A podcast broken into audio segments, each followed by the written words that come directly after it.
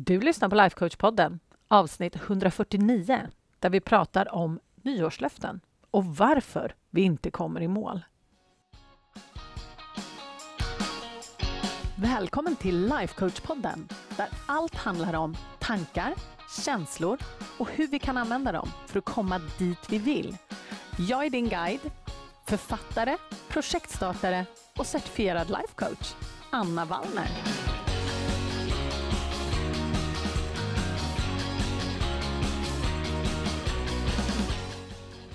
Men gott nytt år! Eller brukar man säga god fortsättning på det nya året? Den här god fortsättning, jag har aldrig riktigt förstått när man ska säga det. Och, ja, så att jag vet inte. Men kanske god fortsättning. det kanske är på plats att säga det. Vad vet jag? Men oavsett så är vi ju inne på ett nytt år nu.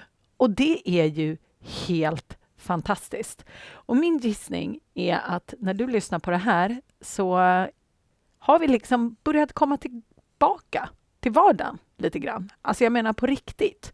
För min gissning är att du kanske eventuellt lyssnar på det här första veckan det kommer ut. Och då har vi ju inte kommit till 20 knutens. Vilket min älskade man och make påminde mig om faktiskt bara häromdagen när jag sa till barnen att ja barn, nu är det snart slut på julen. Och så sa han, men hallå, det är det väl faktiskt inte förrän vid 20 Knut. Och det har han kanske rätt i. Men ja, jag vet inte. För mig personligen så tycker jag nog att julen tar slut vid nyårsafton. Men, men, det är beroende lite på hur man ser det.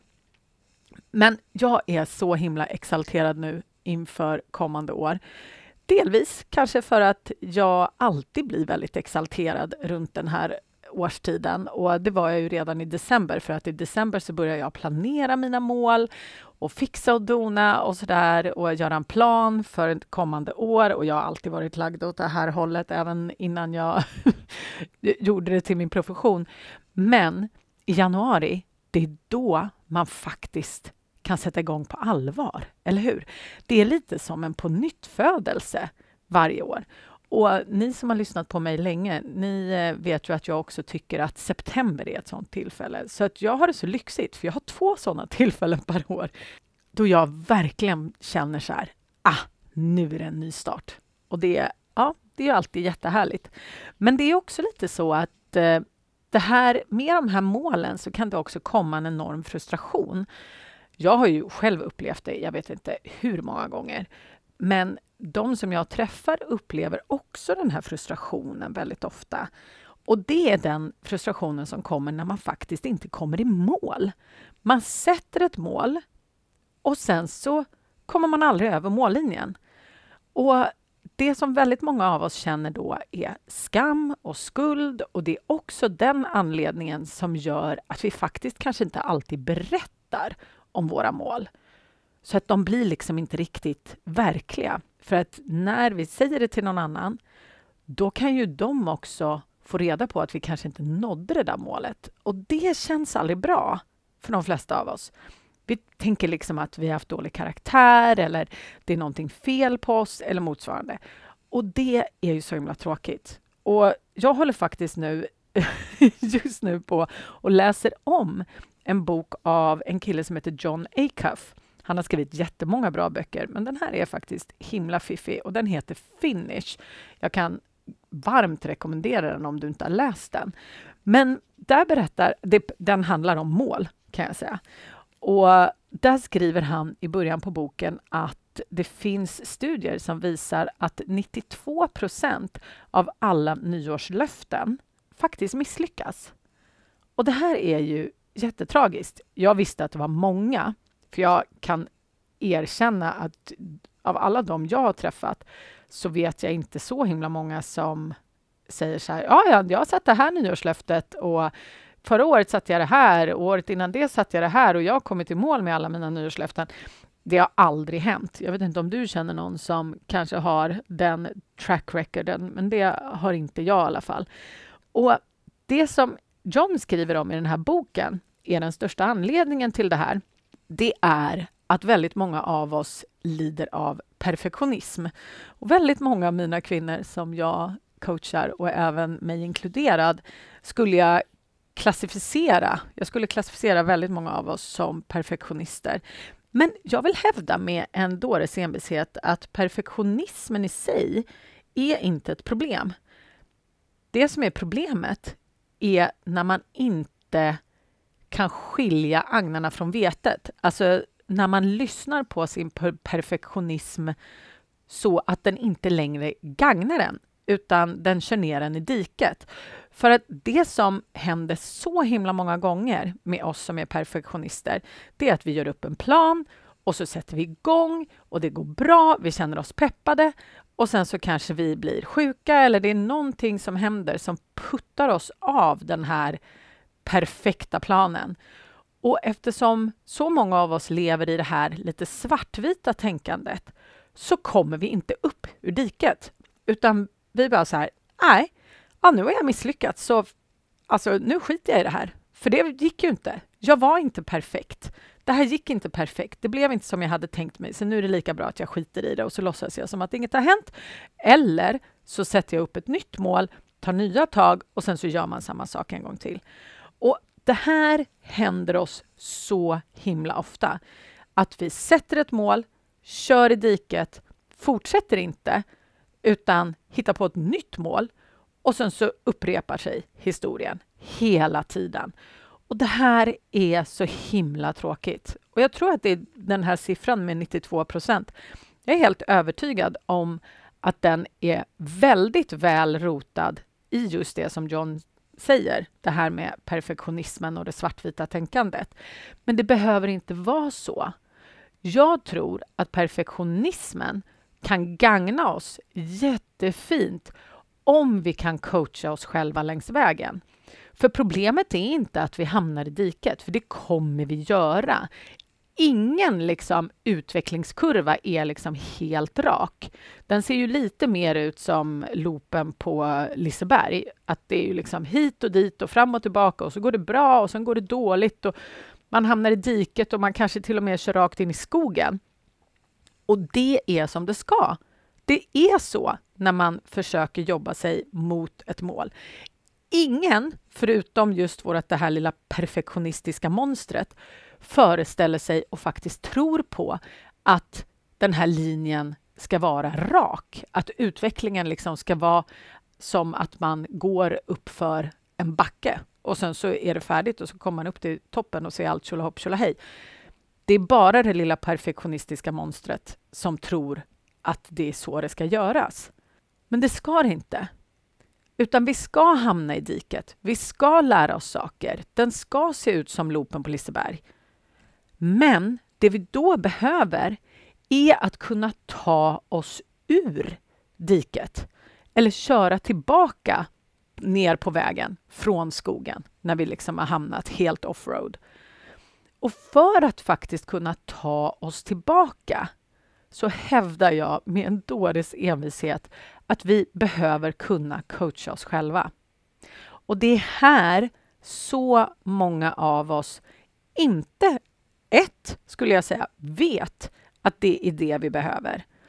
Eller att det ens är en möjlighet att faktiskt coacha sig själv upp ur diket eller när det går så där trögt, du vet, om man bara vill ligga kvar under täcket och inte gör någonting överhuvudtaget och reptilhjärnan säger att du, det där målet som du satte, det var nog en ganska dålig idé. Så att när vi faktiskt inser och faktiskt också vet, ska jag säga, att det är ett alternativ att coacha sig själv, då behöver man ju också skaffa förmågan att coacha sig själv. Och just när det kommer till den här självcoachningen och ni som lyssnar på det här och antingen är medlemmar eller coachar med mig privat, ni vet ju att jag tjatar på er hela tiden. Ja, har du coachat dig själv på det här då? För i grund och botten så är det fantastiskt starkt och underbart att ha en coach, för två hjärnor är alltid bättre än en på att lösa ett problem och se vad det är som står i vägen. Men i grund och botten så är det du som behöver coacha dig själv. Det är du som har dig själv med dig hela tiden. Och kunskapen och förmågan att kunna coacha sig själv, det är en superkraft. Jag ska inte säga att man måste kunna det, men livet blir väldigt mycket enklare och mycket, mycket roligare om man faktiskt kan coacha sig själv. Och det löser inte bara den här dikeskörningsproblematiken som jag pratade om innan, utan det gör också att när vi faktiskt sätter ett mål så kan vi coacha oss själva så att vi vet att det faktiskt är det där målet vi vill ha. Jag vet inte hur många gånger du har satt ett mål och sen så kanske kommit fram till lite längre fram så här, ja men det var nog faktiskt inte det här jag ville. För väldigt ofta så sätter vi mål som vi tror att vi vill. Men när det kommer till kritan så vill vi inte det, utan vi har kanske fått för oss på grund av vår socialisering, som jag pratar om hela tiden, att det är någonting vi borde. Till exempel gå ner fem kilo i vikt. Vem i hela friden bryr sig? Jag tror faktiskt inte att de där fem kilorna gör så himla stor skillnad. Men vi har fått det itutade i oss, det här är ju bara ett exempel såklart, att de där fem kilorna faktiskt spelar någon roll. Så att när vi kan coacha oss själva, då kan vi liksom få grepp om vad det faktiskt är vi vill sätta för mål och vad som faktiskt spelar någon roll. Så att det är en grej som självcoachningen kan lösa. Och en annan sak som också är superviktigt när man just sätter mål, det är att kunna se vägen framåt. Att man liksom inte bara gör en plan, kan man väl säga, utan också att man ser vägen framåt och ser hur det här målet knyter ihop med ens framtid och varför det faktiskt kommer göra någon skillnad. Det är superviktigt också när det kommer till motivationen och varför man håller på med det överhuvudtaget. Och sen en tredje sak som den här självcoachningen är jättebra att ha. Det är att faktiskt reda ut vad det är som för oss framåt mot målet. Och då menar jag inte de aktiva handlingarna, för självklart så är det också jätte, jätteviktigt. Men just de här tankarna vi har om vårt mål. Vilka av dem som för oss framåt och vilka av tankarna som faktiskt sätter käppar i hjulet. Och det här är kanske ingenting man egentligen tänker på när man sätter ett mål och inte har jobbat så mycket med de här verktygen som vi pratar om på den här podden hela tiden. Men just vad vi tänker löpande gör en så ofantligt stor skillnad. Och när man kan coacha sig själv genom de tankarna så är det ju en game changer. Sen nummer fyra, för jag inser nu att jag har fem stycken saker som jag har på agendan. Nummer fyra, det är ett verktyg som gör att du faktiskt kan coacha dig genom vardagen. Du vet när du sitter där och bara tycker att allting är sjukt sekt och opepp och du vill inte och du kan inte riktigt se poängen även om du vet varför du satte det här målet och varför du faktiskt vill skapa den här förändringen. Just de dagarna så är det så bra att kunna coacha sig själv och faktiskt se skogen för alla träd. Alltså se vad är det som faktiskt gör att jag känner så här och varför är jag nere i det här hålet? Och det är så himla kraftfullt. Och sen det femte då, just det här att kunna förstärka det som fungerar. För när man har coachat sig själv på alla de här sätten, då vet man att okej, okay, det är det här som funkar. Men då behöver man ju också veta hur man ska göra mer av det. Hur gör man det liksom rent praktiskt? Så just den här självcoachningen är så himla viktig när vi vill komma över andra sidan mållinjen. När vi sätter vårt nyårslöfte eller vårt mål för året och gör planen, att vi delvis då vet varför vi vill göra det här målet, hur det kommer förändra oss där framme, vilken skillnad det kommer göra i våra liv långsiktigt. Och också då vad det är som faktiskt för oss framåt så att vi kan skapa mer av det och kunna coacha oss själva ur de här hålen där vi hamnar, dikeskörningarna och sen också långsiktigt förstärka det som faktiskt funkar rent konkret.